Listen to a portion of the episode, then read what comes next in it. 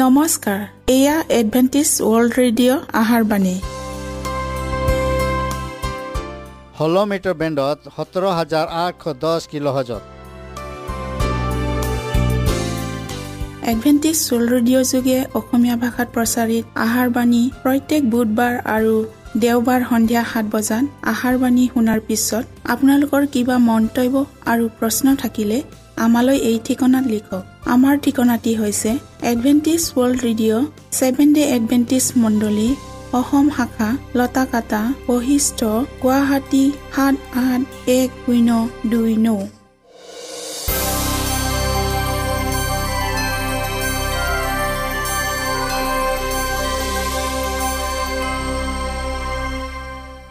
প্ৰিয় শ্ৰোতা বন্ধুসকল এতিয়া শুনো আহক এটি খ্ৰীষ্টীয় ধৰ্মীয় গীত।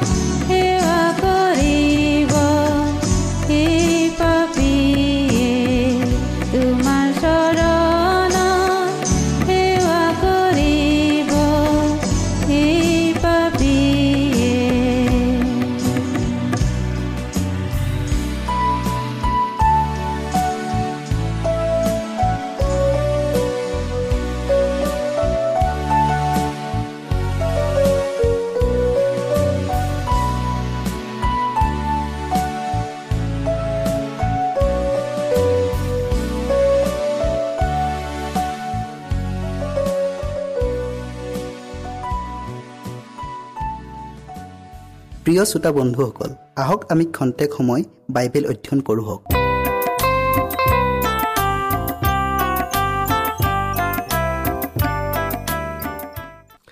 প্ৰিয় শ্ৰোতাসকল নমস্কাৰ। আজি আমি সমীৰৰ নিচিনা এই দৃষ্টান্তটো অধ্যয়ন কৰোঁ হওক। শাস্ত্ৰপদ পঢ়িব মঠি তেৰ অধ্যায়ৰ তেত্ৰিছ পদ লোক তেৰ অধ্যায়ৰ বিছ আৰু একৈছ পদ। আমি প্ৰাৰ্থনা কৰোঁ হওক। সেই স্বৰ্গত থকা পবিত্ৰ জীৱনময় গৰাকী তোমাক ধন্যবাদ দিছোঁ প্ৰভু কিয়নো তোমাৰ আশীৰ্বাদ আৰু দয়াৰ এই সুন্দৰ সময় আকৌ আমি পালোঁ। প্ৰভু তুমি আমাৰ সংগে সংগে থাকি যি বিষয় অধ্যয়ন কৰিবলৈ আগবঢ়াইছোঁ সেই বিষয়টিলৈ জানিবলৈ জ্ঞান আৰু বুদ্ধি দান দিয়া। শ্ৰোতাসকলৰ লগত তুমি পবিত্ৰ আত্মাৰ যোগেদি থাকা যীশুৰ নামত খুজিলোঁ। আমেন। গালিলৰ ভাৱবাদীজনাৰ কথা শুনিবলৈ অনেক শিক্ষিত আৰু গণ্য মান্য লোকসকল আহিছিল। কৃষ্টই গালিলৰ সাগৰৰ পাৰত শিক্ষা দি থকা সময়ত তেওঁৰ চাৰিওফালে আগুৰি থকা লোকসমূহক এওঁসকলৰ কিছুমানে কৌতূহলপূৰ্ণ দৃষ্টিৰে চাইছিল। এই বিশাল জনসমাজত সমাজৰ সকলো স্তৰৰ লোক সমবেত হৈছিল।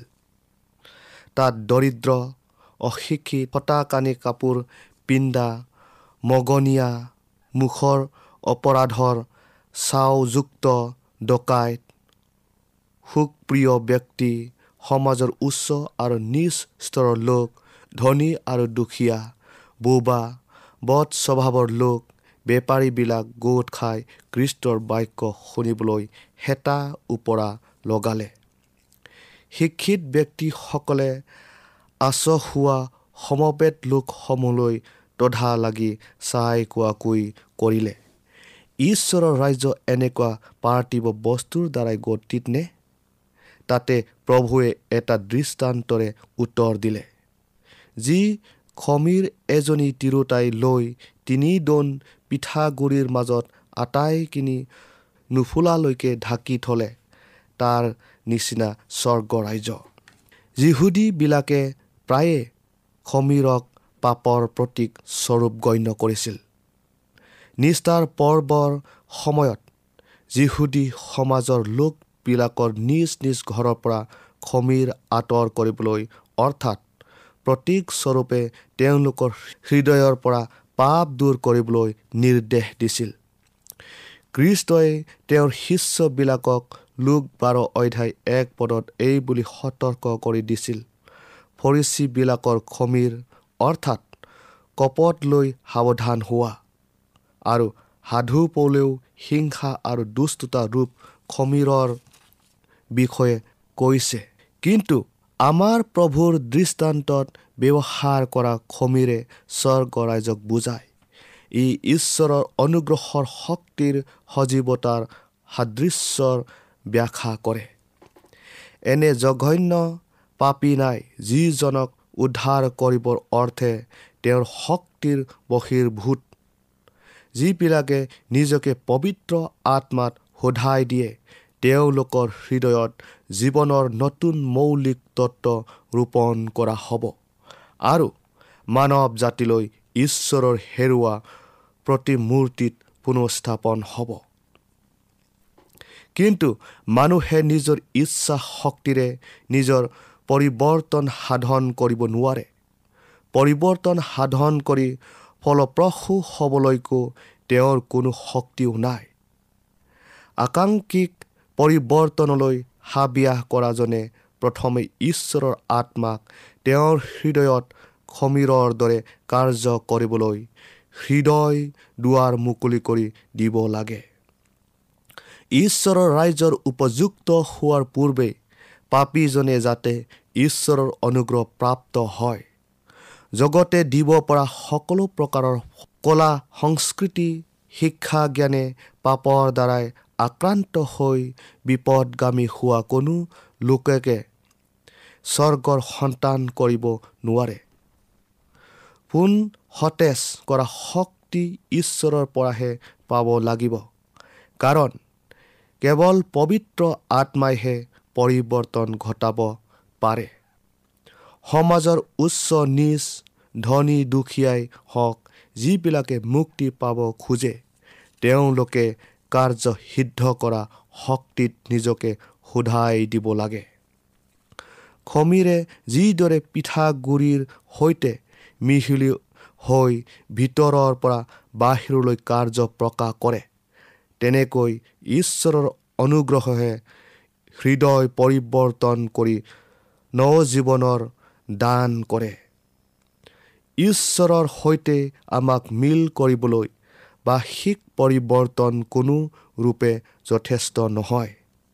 অনেকে নিজৰ কুস্বভাৱবোৰ ত্যাগ কৰি নিজকে সংশোধন কৰিছোঁ বুলি ভাবি সঁচাকৈ ঈশ্বৰ বিশ্বাসী হ'বলৈ ইচ্ছা কৰে। কিন্তু তেওঁলোকে ভুল স্থানত মুক্তিৰ কাৰ্য আৰম্ভ কৰিলে যিটো প্ৰথম কাম আমাৰ হৃদয় আৰম্ভ হ'ব লাগিছিল। ধৰ্ম বিশ্বাস আৰু সত্যৰ অধিকাৰ আত্মাৰ নিমিত্তে দুয়োটাই ভিন্ন অস্তিত্ব। কেৱল সচৰাচৰ সত্য জ্ঞানে পৰিপূৰ্ণৰ নহয়। আমাৰ এইখিনি গুণ থাকিলেও আমাৰ স্বভাৱ চৰিত্ৰৰ নীতি নিয়মৰ কোনো ৰূপে পৰিৱৰ্তন নঘটে। আমাৰ হৃদয় পৰিৱৰ্তন হৈ সূচীও হ'ব লাগিব। ই কেৱল ধৰ্মীয় কৰ্তব্য বুলি জ্ঞান কৰি কোনো মানুহে ঈশ্বৰৰ আজ্ঞাসমূহ পালন কৰে বা পালন কৰিব লাগে কাৰণে বাধ্য হয়।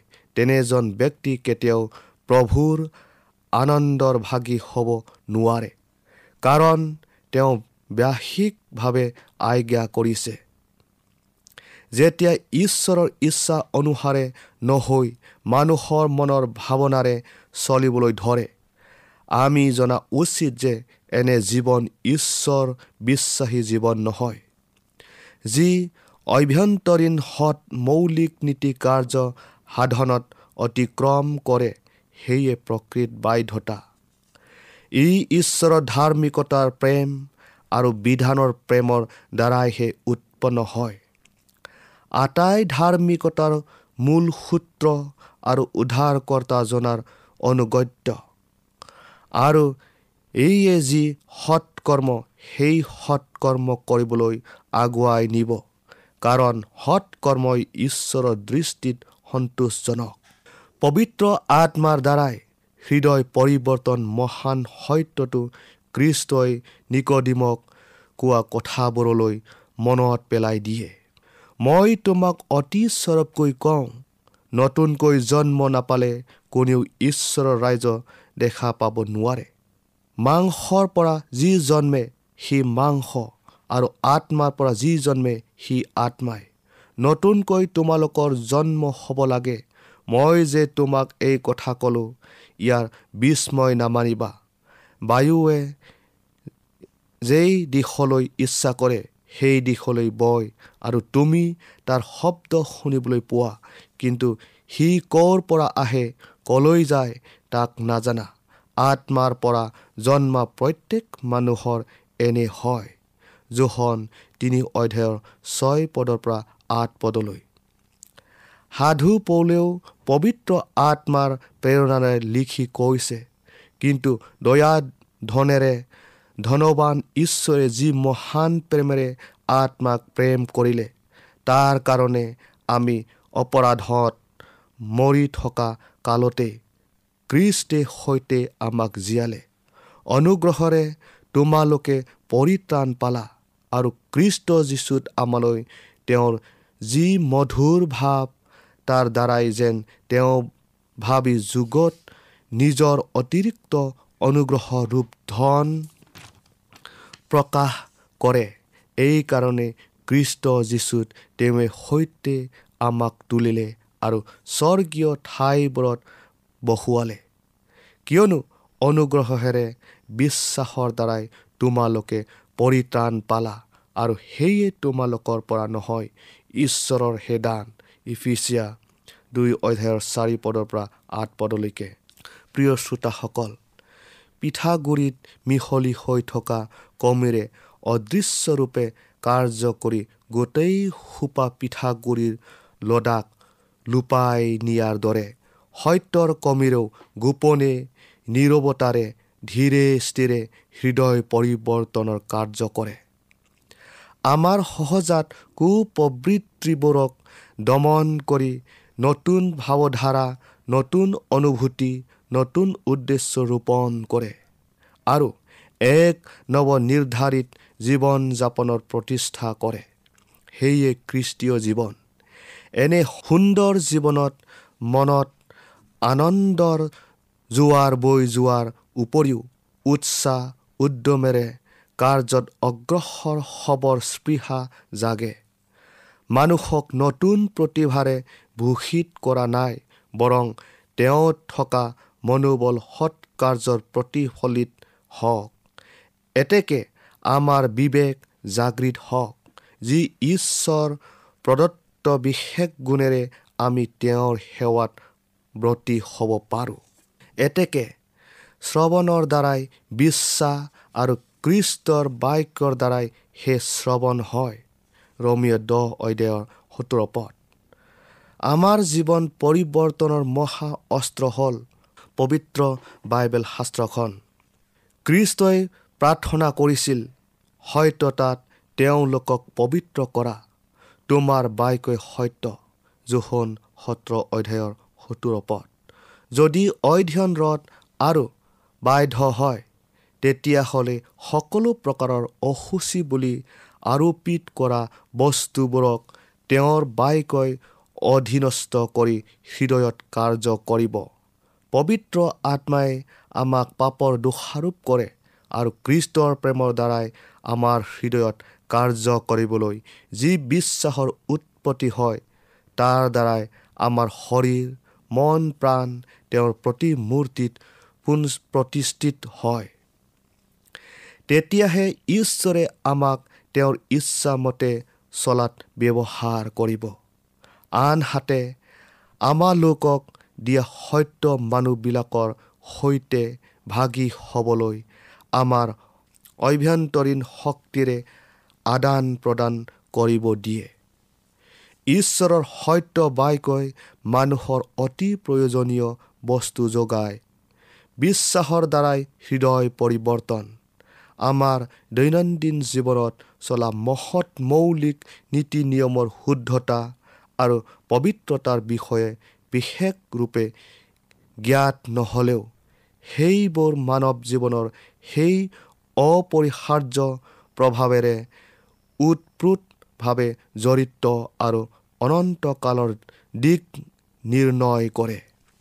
এনে সৎ নীতি নিয়মবোৰ জীৱনৰ আটাই বৃহৎ আৰু ক্ষুদ্ৰ কাৰ্যত নিৰ্বিবাদে জড়িত হ'ব দিব লাগে।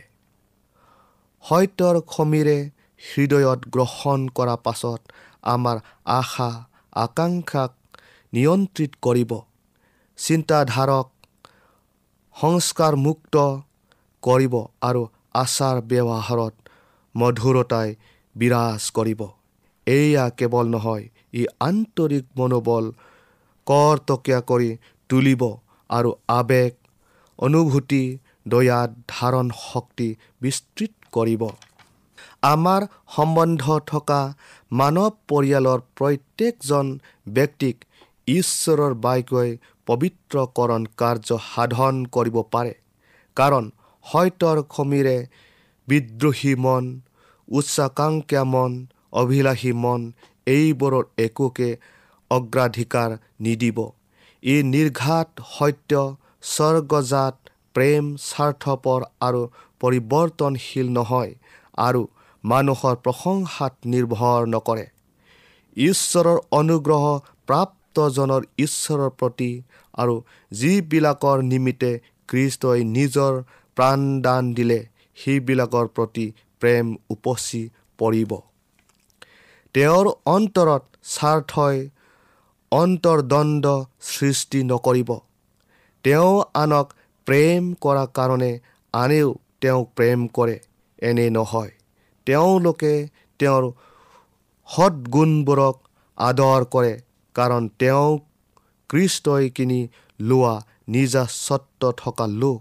যদি কোনোবাই তেওঁৰ উদ্দেশ্য তেওঁৰ কোৱা কথা আৰু কৰ্মক ভুল বুজি মিছা বিবৃতি দিয়ে তথাপিও তেওঁ সেইবোৰ কথাত অপমানবোধ নকৰে। কিন্তু নিজ পথত স্বতন্ত্ৰভাৱে অগ্ৰসৰ হৈ থাকে। এনে পৰিস্থিতিটো তেওঁ মৰমীয়াল আৰু সৎ চিন্তাশীল নম্ৰ আশাপূৰ্ণ হোৱাৰ উপৰিও প্ৰতিদিন ঈশ্বৰৰ দয়া আৰু প্ৰেমত ভৰসা কৰি থাকে। প্ৰিয় শ্ৰোতাসকল পাচনি জনাই এইদৰে আমাক আনন্দিত কৰিছে। তোমালোকক আমন্ত্ৰণ কৰা জনা যেনে পবিত্ৰ তোমালোকো সকলো আচাৰ ব্যৱহাৰত তেনে পবিত্ৰ হোৱা। কিয়নো লিখা আছে তোমালোক পবিত্ৰ হোৱা কাৰণ মই পবিত্ৰ প্ৰথম পিতৰ এক অধ্যায়ৰ পোন্ধৰ আৰু ষোল্ল পথ ঈশ্বৰৰ অনুগ্ৰহে আমাৰ ক্ৰোধ আৰু মাত কথা নিয়ন্ত্ৰণ কৰক যাতে নম্ৰতা আৰু মৃদু শ্ৰদ্ধা ভাই ভাইৰ মাজৰ কৰ্মৰ দ্বাৰাই পৰিলক্ষিত হৈ পৰস্পৰে উদগনি দিয়ক। যি গৃহত দুটে বাস কৰে সেই গৃহই মধুৰ সুবাসিত শ্বাস প্ৰশ্বাস লয় আৰু ই ঈশ্বৰৰ আগত ধূপৰ সুগন্ধি ৰূপে উঠে। ইয়াৰ ফলস্বৰূপে নম্ৰতা সাধুতা ধৈৰ্যতা চিৰসহিষ্ণুতাই প্ৰেমৰ দ্বাৰাই প্ৰকাশ পায়। যি ব্যক্তিয়ে ঈশ্বৰৰ প্ৰেম কৰি তেওঁৰ আজ্ঞা পালন কৰে কৃষ্ট তেওঁৰ হৃদয়ত বাস কৰি মুখমণ্ডলত জ্যোতি প্ৰতিফলিত হ'ব আৰু উজ্জ্বল হৈ উঠিব। স্বৰ্গৰ মধুৰ শান্তি ঐশ্বৰিক প্ৰেম এইবোৰ প্ৰকাশ পাব। প্ৰিয় শ্ৰোতাসকল সত্যৰ খমিৰে মানুহৰ আটাইকো স্বভাৱবোৰ আঁতৰাই তেওঁৰ সম্পূৰ্ণ পৰিৱৰ্তন ঘটায়। এই পৰিৱৰ্তনৰ মূল কাৰণ মেৰ পোৱালিৰ তেজত নিজৰ আটাই অসুচি ধুই পেলোৱা হ'ল। জীৱনদায়ক শক্তিৰ যোগেদি মন আত্মা আৰু শক্তি ঐশ্বৰিক জীৱনৰ সৈতে ঐক্যতাত আনে। মানুহে তেওঁৰ মানৱীয় প্ৰকৃতিৰ সৈতে ঐশ্বৰিক গুণ ভাগি হ'ল। প্ৰিয় শ্ৰোতাসকল আমি ইয়াতে সামৰিলোঁ। ঈশ্বৰে আপোনালোকক আশীৰ্বাদ কৰক।